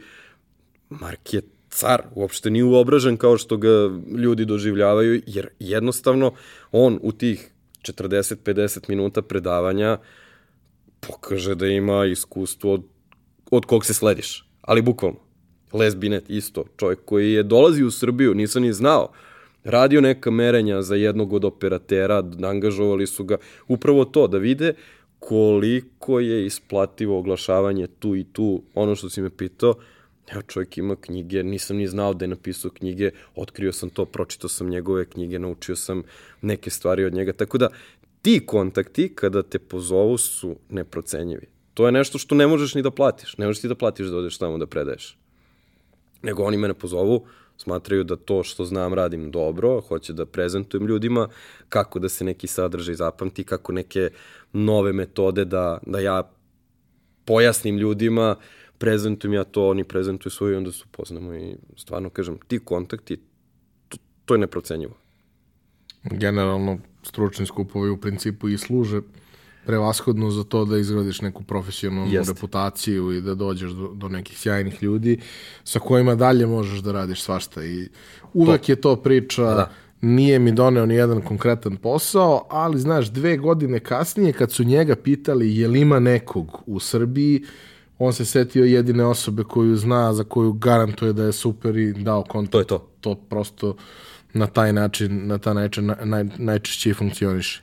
A, jedna od stvari e, koja je, da kažem, ljudima koji su iz sličnog nekog backgrounda kao ja, mm -hmm. tehnološkog pre svega, ušli u sve ovo, po čemu te najviše znaju, to je što si ti generalno prilično nesebično delio svo to neko znanje o tehnici i tehnologiji koje je potrebno i kroz ono kupovinu novih uređaja, recenzije, komentare kako šta funkcioniše, do tih nekih i dosta kompleksnijih vodiča i saveta kako, kako šta da se radi. A, volao bih da te pitam kako neko ko opet nema nikakve veze sa tim, nisi se ti ni školovo, zato ti si se bavio da stojiš ispred mikrofona, kako da. si naučio šta je unutra i zašto je bitno bude jedan, a ne drugi. Prosto, kako si došao do toga, od koga si to učio i kao, kako savjetuješ ljudima danas, gde je to sve mnogo dostupnije, da da razmišljaju o tome. Jer svi mi kad ulazimo u ovo, ok, ajde, ja imam 20 godina karijere i ja kad hoću kupim igračku, ja kupim igračku iako mi ne treba jer volim da imam igračku. volim da je normalno isto. da. Ali neko ko ulazi, to mu je stavka i predstavlja mu opterećenje i nije siguran šta će sa tim. Kao, znaš, kako da se postavi, šta da traži, šta da gleda, kako si ti ulazio Ajde, u to evo, sve? Evo, znam šta hoćeš da me pitaš.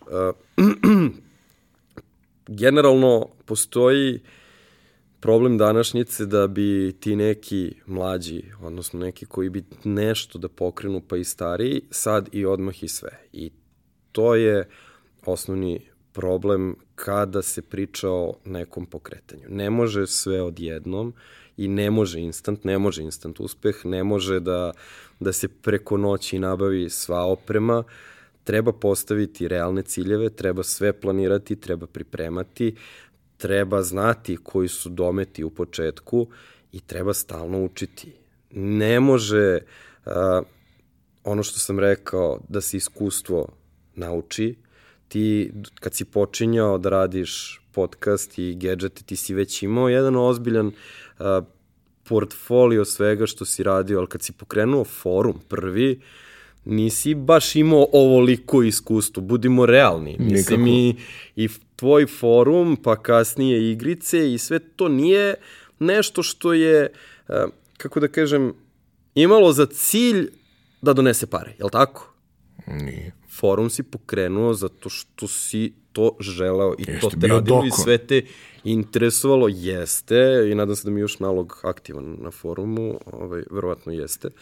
Ovaj, hoću da ti kažem da ako te ne zanima, ako te to opet ne radi, nemoj to raditi, nemoj se tim baviti kao hobi. Ho, ako je hobi, ako pričamo o podcastima, jeli da krenu ljudi sad da rade, radi ga toliko da te ne optereti vremensko-finansijski, da ti bude lepo. Internet to daje. Ukoliko želiš već nešto, nešto ozbiljnije, e onda moraš da imaš taj plan. Onda moraš da znaš kakav je ovo mikrofon, zašto ima ove federčiće ovde, šta je ovo okruglo što je ispred mikrofona, čemu to služi, zašto ono mora da stoji tu, kako ide signal kroz kabla do snimača ili kamere, kako će to da se izmontira, jer nije jeftino napraviti ni podcast. Ovakav kao tvoj. Mislim, ne znam da li si ikada igde rekao koliko sve ovo košta, znam da nije jeftino ovo što radiš. A gde je softver za montažu? Softver košta. I sve to mora da stoji negde na papiru, u nekom Excelu, i kad zabereš, ko, opet čekaj, opet kaže, možda to nije za mene. Ali opet ako mene radi da sad ti ja pričamo i da to snimamo i da bi to možda ljudima bilo interesantno, pa onda testiraš, probaš. To je bar jeftino, stavimo telefon na sto, snimimo da vidimo da li to radi, kao neki demo snimak, Pa testiramo sa prijateljima, napravimo neku zatvorenu Facebook grupu gde ćemo ubaciti prijatelje, zamoliti ih da to preslušaju, da vidimo kako će da odreaguju. Oha, čekaj, pa možda bi to moglo da se unuči. Hajde da vidimo, što ti kažeš, danas je sve dostupno. Evo na mom blogu ima koliko to košta. Napisao sam. To mi je jedan od najčitanijih tekstova da ljudi dolaze da kada budžetiraju šta koliko košta za radio stanicu, skoro sam izbacio za podcast. Pa evo, to toliko košta. Ako hoćeš dobar mikrofon, ne postoji ispod 100 evra dobar mikrofon. Tačka. Ali možeš da uzmeš taj od 100 eura, a možeš i da uzmeš taj od 3000 eura ili više.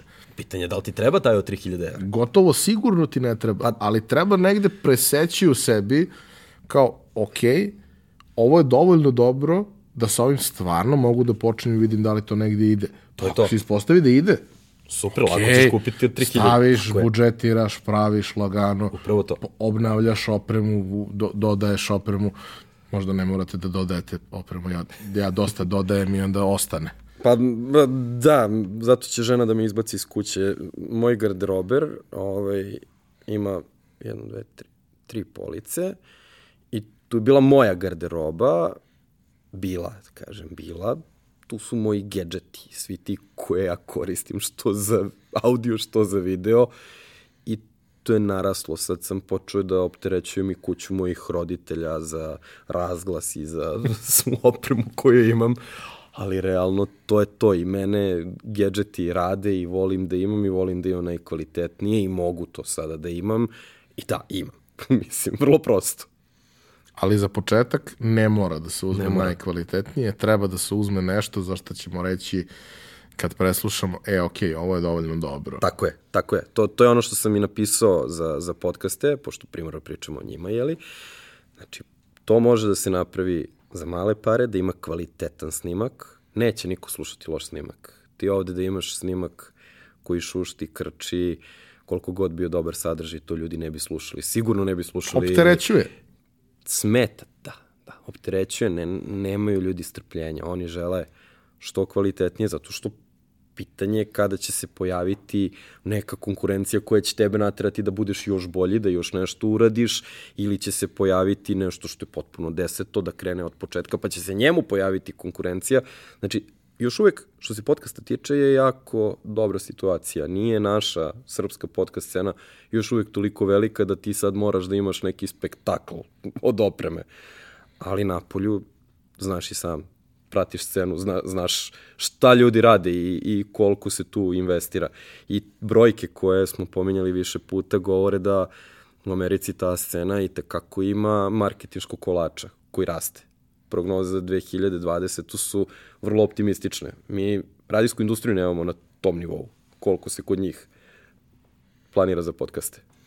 Znaš kako, ja, e, kako, obično kako se vodim sa, sa projektima koji su mi ovakvog tipa kao što je pojačalo, a bilo ih je kroz prethodnih 20 Znamo godina ih. dosta, ove, ja se nekako vodim time, možda ja nisam najbolji koji ovo može da radi, mislim da nisam užasan u tome, verovatno bi mi neko skrenuo pažnju da jesam, nisam loš u tome, ok sam, trudim se da budem sve bolji, što vreme prolazi, to sam negde bolje i ja se osjećam komotnije, Ali ono što, e, kao, ka, kako se boriš protiv konkurencije? Prvo, mislim, konkurencije nema. Svi smo mi ono, relativno rekao, da. mali da. i svi mi guramo jedni drugi. Da. Ali, ako bismo se i postavili tako da postoji nekakva konkurencija i ljudi koji rade sličnu oblast, jer u ovoj nekoj oblasti preduzetništva ima najviše kao sadržaja, ove, moj recept za to je najjednostavniji e, nema nikakvih problema. A jel mogu oni ovo da rade pet godina? Naravno. To ja je, mogu. Da. Mislim, ja sam dokazao da razne stvari koje niko normalno ne bi radio duže od godinu dana sam ja radio po deset. A, ja Jer isto tako. To tako da. funkcioniše. Tek tada to ima smisla. Naravno. Snimiti deset epizoda, nikakav problem. Može sa, u svakoj epizodi da bude ono rock zvezda, gost. A šta ćemo za 20? Upravo to. To je problem za, za sadržaj kod nas, što mnogi tu viziju, nemaju šta će da rade kasnije za 5, 10, 20 godina, kako će da se promene, da li će da se promene i to je nešto što svako ko kreće dobije od mene kao savet. Rekli smo, znanje je dostupno, sa moje strane, to, evo, nek neko ostavi u komentaru ako je suprotno. Da li postoji i jedan mail da nije u roku od 24 sata dobio odgovor na upit, pa sve, koliko god sad to bilo, banalno da hoće da pokrene radio ili podcast ili kome pozvu. Moj broj telefona je privatni i stoji svuda, znači svi imaju, nemam 5-6 brojeva, imam jedan, kogod je pozvao bio je saslušan. Bilo je situacija gde mi se javio jedan čovek, vidio na mom sajtu tekst koliko košta radio, svidelo se to njemu, čovjek se javio, napravio biznis plan, sve pokretanje radio stanice, ja, mogu ti reći jako solidan biznis plan, Pita on mene za opremu, za zonu pokrivanja FM radio. Kaže da je poslao državi, nije kod nas u inostranstvu, je poslao je on dopis iz regiona, naravno, da dobije koncesiju FM-a, sve to super. Ja ga pitam na kraju, ok, a koliki budžet ste vi namenili za to? Pa imam ušteđevinu 5000 evra. Super. To sam ja rekao, ja vam želim puno sreće. Mislim, treba biti realan.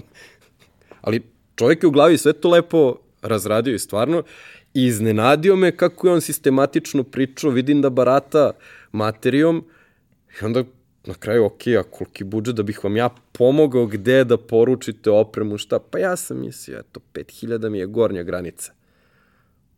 Ne može. Tačka. Gotovo. Ali i on je bio saslušan. Tako da kažem, ima razne stvari zašto ljudi zovu. Mislim, pa i tebe isto sa tom malom razlikom što ja ne držim moj broj telefona nigde javno i ne želim da me ljudi pozovu. Ja ću im dati, samo neka me pitaju za to je. Šalim se, lako se dolazi do svakog kontakta, mislim, realno. Lako možeš doći danas do, do bilo koga. I mnoge ličnosti, mnoge buduće mlade kolege prave silne greške koje bi želeli da rade na radiju. Ipak, uh, nekima je cool da rade na radiju, još uvek koliko god to bilo degradirano i prijavljuju se. Posebno sam ponosan na radio stanicu koju sam pokrenuo bio u Beogradu. Jedan od ideja i ciljeva je bilo da nove, mlade ljude napravimo i da zaposlimo. Mi smo otvorili konkurs, bili tada preko 2000 prijava. Sve do jedne smo nas nekoliko pročitali. Znači nije postojala osoba čiju prijavu ja nisam pročitao, ali je sa druge strane, opet sad ona druga strana medalje, skandalozno kako se ljudi prijavljuju. Koliko ne umeju da naprave smislenu prijavu za medijski posao, koliko bi svi sve odmah. Kada bismo za jednu radio stanicu, u Novom Sadu, radio signal sa kojim sarađujemo, koliko bismo sastavili šta se očekuje od jednog radio voditelja i da ponudimo platu koja je ozbiljna za tako nešto. Ja smem da se kladim da se niko ne bi prijavio. Ali stvarno za pojmove Srbije da bude ozbiljna plata. Niko. Zašto? Pa zato što danas te stvari koje bi trebalo da se podrazumevaju su nekada ljudi imali i upravo to što smo pričali za Federe i ove stvari, to se podrazumevalo. Nigde u opisu radnog mesta ti nemaš za radio da moraš da poznaješ miksetu, ali ako sam sebi radiš ton, pa moraš da je poznaješ, naravno. Moraš da znaš, moraš da naučiš. A gde ćeš to da naučiš? Imaš internet. Ili imaš nekoga ko zna da te nauči.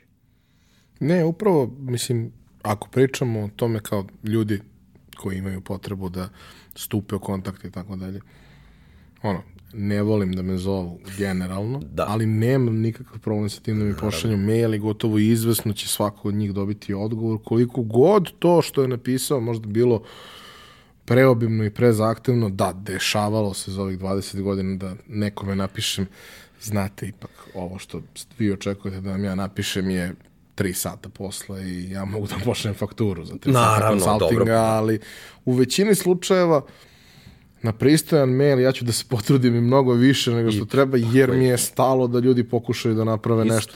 Zato sam te izvao, zato što to- znam da smo po tom pitanju vrlo slični, a negde mislim da zajedno uz sve ostale kolege možemo da napravimo da prosto svima bude bolje tako što ćemo svi do, do, doseći veći broj ljudi, jer to, znaš, super je ta priča, ovaj, kao, a, mnogo je lepo imati 100% male torte, ali nije loše imati ni 30% neke mnogo velike torte. Upravo to, pa mislim, o toj torti ja stalno pričam, a moguće napraviti veću tortu. Znači, nije mala ta torta. I kada pričam sa agencijama, ja ne tražim da ta torta odmah bude veća. Ja samo tražim da se parčići malo drugačije rasporede. To je vrlo jednostavno. I mislim da treba podržati i pomoći u svakom pogledu te torte, odnosno raspodele i kako napraviti i veću tortu. Pa ne, uvek kada gledamo te neke analize i čitam, kažem, pre svega u ovoj mojoj oblasti digitalnog marketinga, kada se gledaju ad spendovi, uh -huh. na što se zapravo troši novac od oglašavanja, u velikoj većini zemalja ono top 10 uh, online propertija, sajtova, medijskih kuća i tako dalje, top 10 uzima 95% kolača. Da. Okej. Ali i tih 5% u toj zemlji je dovoljno da još 30 malih funkcioniš. Tako je, apsolutno. Ovde nije dovoljno 5%. Nije. Ostavite 10. Neće niko da propadne ako ostavite 10. Do sutra bismo mogli o tom problemu da pričamo. To je višestruk problem tog ostavljanja. Prvo, možda glavnije zato što smo malo tržište. Znači, ne možda, nego sigurno glavnije taj. A, problem broj dva je nedovoljna edukacija. Budimo realni, mi na nivou naše zemlje koristimo mnoge tehnologije za koje nismo ni spremni. Znači, realno. Situacija sa podcast scenom je takva da čak i oni koji bi hteli, imaju ideje i, i dobri su, nisu baš 100% načisti kako to i da monetizuju, a i kada bi našli nekoga ko da plati, nemaju načina kako to da monetizuju. Mislim, ne možeš ti fakturu da pošalješ kao Ivan Minić, fizičko lice, realno. Znači, mora da postoji nešto što će svima njima pomoći, da to olakša, da bi mogli i da zarade ti neki koji su mali. Da li je to neko udruženje, pričali smo i za podcaste na tu temu, koje će angažovati male podcastere da im pomogne u tom pokretanju, jer realno nešto što treba da traje dve godine, mi ne pričamo o inicijalnoj investiciji od 200-300 evra. Znači, mi pričamo o četvorocifrenoj investiciji, što nekima koji imaju dobru ideju je realno nedostupno u ovom trenutku. A sada, na koji način ti nekome da daš toliku sumu novca, a u dinarima je to šestocifreno, jeli, Nije to baš tako jednostavno i po pitanju pravdanja i svega. Dakle, realno i sa te strane postoje problemi. Pa onda tog nekog treba držati pod kontrolom što se tiče i autorskih prava. Ja sam u mom podcastu pustio samo 8 sekundi filma. Pa super što se baviš podcastom o filmovima, ali ne smeš. ne smeš. Nemam, nemam načina na koji to da ti platim. Kako da ti platim? I sa druge strane, opet kažem, klijenti su neinformisani kakva je moć raznih medija, ne samo radije podcasta. A na neki način i ne bave se time jer previše toga treba da se desi u jedinici vremena i najjednostavnije je tako samo je. ispolivati kroz sve formate. Prvih sa... pet i tako je, jedno te isto. Ne, ne, apsolutno se slažem. Znači, treba da postoji neka središnja staza kojom treba ići, da se pravi jedan adekvatan media mix, ali to je bajka još uvek za naše podneblje. No dobro, ja, ja nekako verujem da veliki klijenti su možda donekli izgubljeni sa opcijom da deo njih zapravo se i dalje trudi i radi neke pametne stvari. Da su srednji klijenti ti koji su veoma interesantni jer je njima stalo šta će dobiti za svoj novac. Ne u smislu šta će dobiti, nego koliki će zapravo povrat biti na to sve. Nekom velikom klijentu, čoveku koji tamo odobrava nekakav budžet za oglašavanje, ni iz džepa, ni u džep. Tako da li će nešto da se desi, ali nekom srednjem je to već nešto što suštinski može da mu promeni posao i mnogo su nekako svi odnosi bliži, ja negde verujem da, da je tu da je tu možda neka prilika. Jeste, apsolutno. Uh, svako ko želi da, da pokrene nešto što se tiče podcasta, mora da ima i svoju viziju gde, kome i kako to ponuditi. Naravno, to je nešto što je potpuno normalno. A kada bude znao gde, kome i kako ja ne sumnjam da će uspeti da nađe i nekog srednjeg koji će moći da da određenu sumu da bi to pogurao i da bi sebe ispromovisao. Ali do toga opet i ono što realno nema nigde, a tiče se podcastera, jeste kako napraviti neko pravno lice koje će da, i, ne mora pravno, ali neki oblik koji može da izdaje fakturu, realno a za podcaste to mora. Pa mislim za bilo koju pa, vrstu pa, realno, da. oglašavanja. Da.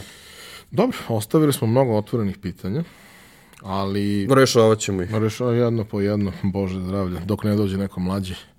Ovaj, nekako verujem da kao prvi korak je da krenemo da pričamo o stvarima, pa će onda jedan po jedan da se rešavaju. I pre godinu i po dana nije bilo ničega, sada ima nečega. Za da. godinu dana će biti još, još više. Nečega. I vrlo verovatno, nekako stvarno verujem u to, jer toga ima i sada, kako ozbiljni mediji ulaze u format, tako i svi ostali bivaju vidljiviji koji su u formatu. Sada već imaš ono gomilu medijskih kuća koji za neke vrste sadržaja su odobrali podcast kao, kao kanal, jer je idealan. Pa, idealan je, to je upravo ono što smo pričali. Um, podcasti i blogovi takođe treba da se porede. Danas da pokreneš blog, super, jednostavno je, svako ima Word ili nešto što je besplatno i gde može da sastavlja sklapa reči i da to objavi, da je to neki sadržaj koji će se čitati, ali ima more blogova i treba pronaći neki relevantan. Postoje oni bolji i manje dobri blogovi, postoje oni koji imaju svoju posećenost zato što, jeli, ne vrede ničemu tako će biti i sa podcastima. Danas postoje oni koji su u svetu kratki, postoje koji su dugački, postoje oni koji su super kvalitetni, postoje oni koji su kvalitetni, postoje i oni koji sami sebi u startu zacrtaju sudbinu. Tako da, uh, sjajna je stvar, opet kažem, da, internet kao jedna globalna mreža, sve to trpi, sve to ima prostor, neki će da se izdvoje, danas postoji mogućnost da se pokrene i to je sjajno. Uh, odgovorno tvrdim, evo je kraj 2019. kada ovo snimamo, ja, Uroš Bogdanović, kažem da će doći trenutak kada će kod nas neki podcast dobiti svoj prostor, da li na radiju, da li na televiziji video forma, ali ne mogu da garantujem kada. Desit će se. Neki podcasti već imaju svoj prostor kroz Koji radio su dogovorili, tako je, kroz nešto, ali da sada nas dvojica pokrenemo podcast Formula 1 koji se zove i da ima samo kanal dostave podcast i nigde da ne bude ni na jednoj platformi, nego formula1.rs, ako je slobodno dome, ne, nebitno, ovaj, i da se tu nalazi i da nas neko pozove da kaže ja bih ovo da pustim, to će doći kada bude dovoljno kvalitetan taj neki podcast koji ovaj, zadovoljava nekoga. Što ne znači da ne postoje sada kvalitetni, ali ne postoje ni mediji koji to trebali da prepoznaju. Znači, to je ono što sam rekao, svi zajedno treba da idemo tom neku stazom, da pronađemo prostor za sve. To, to, to će se desiti. To je, to je ono što je sigurno. Uopšte možda nekome sve ovo zvučalo da, da mračimo ili slično. Ne, ja naprotiv mislim da je lepa budućnost, da i što se tiče nekih tradicionalnih medija, koliko god kod nas to bilo poremećeno na ovaj ili oni način, ja mislim da će se to u nekom trenutku dovesti u red i da će doći jedna lepa, lepa ovaj, prilika za svakoga da može da počne da radi. Mislim, ko je dobar, ne možeš ni u inostranstvu da dođe na TV da odeš. Je, ja bi da radim na TV, ne ide. Nekako, ako mogu da zaključim to na, na, na ovaj način, uh, bar sam se ja time vodio, deluje mi iz ovoga što ti pričaš da se slažeš sa tim, uh, koji god format sadržaja da proizvodiš, treba da ga proizvodiš zato što ti misliš da treba da ga proizvodiš. Pa treba da veruješ u to, Ne naravno. treba da imaš cilj koji se piše sa određenim brojem nula, zato što, ok, to će možda doći, nadajmo se da će doći, da li direktno, da li indirektno, kroz prilike koje se ukažu. Ja sam mnogo jako lepih prilika dobio zato što sam napisao neke dobre stvari koje su ljudi prepoznali, Isto. a u suštini od samog bloga sam zaradio dovoljno da možda pokrijem troškove hostinga i, i, i još Identično. toga. Ali je to bila prilika da ja pokažem šta umem, koliko sam dobar, šta verujem, na koji način radim i to je, znači, ja sam to radio zato što zaista sam smatrao da to treba da radim. Ja sam to pisao zato što ja u to verujem, zato što ja stojim iza toga.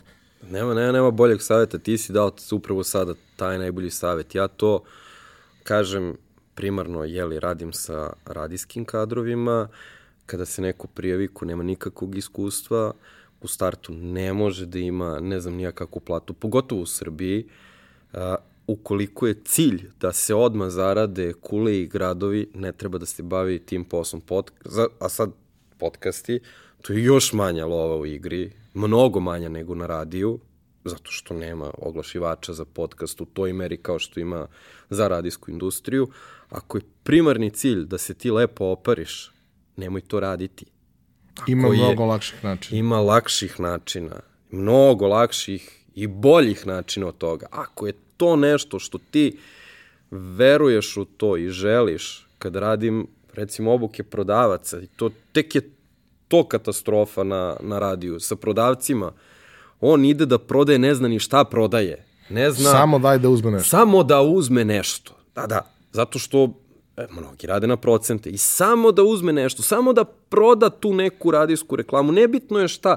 I onda će prihvatiti sve da bude u tom spotu da bi prodao. I ne veruje u to, nego eto, njemu je radno vreme od 9 do 5 ili od 8 do 4, nebitno kako je radno vreme, i on ide sa ciljem da proda. A šta je to prodao? Ne veruje ni sam. A onda kada mu se neko javi, jo, hvala vam za ovu reklamu, ovo, ovo je sjajno. Pa ja imam neverovatno povećanje prometa zahvaljujući, a samo kod vas sam se oglašavao. I onda dođe prodavac kao, a u bog te, pa ovo radi. Pa radi. Ali to je to, znači ono što radiš, ako ti primaran cilj da zaradiš kule i gradove, možda je bolje da ne počinješ podcast. Ni radio. A ima, što si rekao, mnogo jednostavnih načina da se dođe do, do novca. Ukoliko je to nešto što ti želiš i smatraš da je dobro i onda istestiraš da je to dobro, potpuno besplatno, pomenuli smo danas ovaj, na koji način to može sve da se istestira, u toj varijanti to treba krenuti, treba raditi korak po korak. Tako sam ja sa svojom karijerom počinjao, uh, tako sam došao u situaciju da sam od sebe zavisim, da ne radim ni za koga, nego radim za sebe. Uvek može bolje, uvek može gore, to svima kažem. Vrlo sam zadovoljan time što radim, ali nikada mi nije bio cilj da ja sada idem i da obučavam ljude. To mi nije bio cilj. Ja sam uvek uživao u svom poslu. Uživao sam svaki dan kada odem na radio i kada padaju katastrofe sa neba, kada moram da budem u studiju ujutru pre šest, jer u šest moram da budem veso i raspoložen i da kažem dobro jutro, da svima koji idu na posao dam tu neku pozitivnu energiju. Zvuči zastrašujuće. Da, ne, ne, živi mi se, pazi, zima, sneg do kolena, ja treba da stignem na radio indeks, da, da radim jutarnji program, zatvoreno pola grada, zaleđeno sve ja iz Zemuna do Novog Beograda, mislim, pa katastrofa. To, to, to, ja mislim da sam samo ja bio na ulici tada ali super, kad sam ušao u studiju, to je radila super energija. Ja sam taj dan napravio jednu od boljih slušalica, kako ih zove. Ja sam zvao Beograd puteve, samo da ih pozdravim u ime mojih slušalaca. Sa, samo da mi prenesem pozdrave, ništa više to je bilo jako interesantno. Rekao, ja pozdravljam vas, uh, slušaci Radio Indeks. Jo, hvala divno. Oni oduševljeni. prva, prva osoba koja ih je zvala, a nije ih. pa da, deo pozdrav, puno vas pozdravljaju i oni veseli, njima sam dao energiju za radni dan. Meni bilo lepo. Sreće nikog nije bilo na ulici u to gluvo doba noći kad sam išao, ali eto, to je bilo super jutro. Tako da treba uživati treba naći nešto u životu u čemu ćeš da uživaš, pa makar i posle posla. Da. A, uveli smo tu neku praksu pre desetak epizoda i uh, u svakoj epizodi podelimo po tri primjerka knjige. Ovog puta Bogati otac, siromašni otac Roberta Kiyosakija i uh, Sharon Lechter. Tako da, dragi slušalci i gledalci, u komentarima na YouTube ostavite ako ste zainteresovani za jedan od primjeraka, pa ćemo pre objavljivanja ovaj, naredne epizode izvući ko su dobitnici, kontaktirati vas oko daljih stvari. E pa to je sjajno.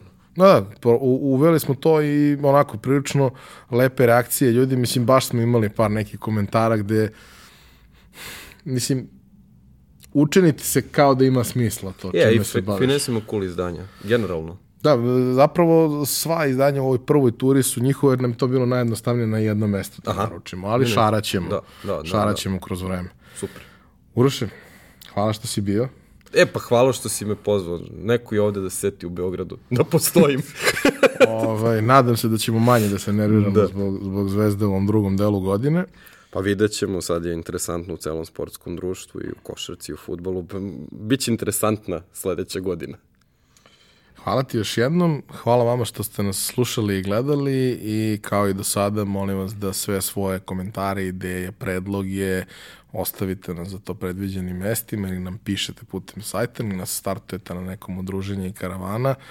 Bez toga mi malo bi lutali ovaj, po mraku i, i, i pokušavali da pogodimo, a uz to ipak imamo neke smernice u kom smeru treba da idemo dalje i kako ovo dalje da razvijamo, a na kraju dana ovo radimo zbog vas i ovo radimo da bi iz nedelje u nedelju, iz meseca u mesec bilo bolje i nama, ovaj, a i da bi sadržaj bio interesantniji vam. Tako da, još jednom hvala na slušanju i gledanju i vidimo se sledeće nedelje.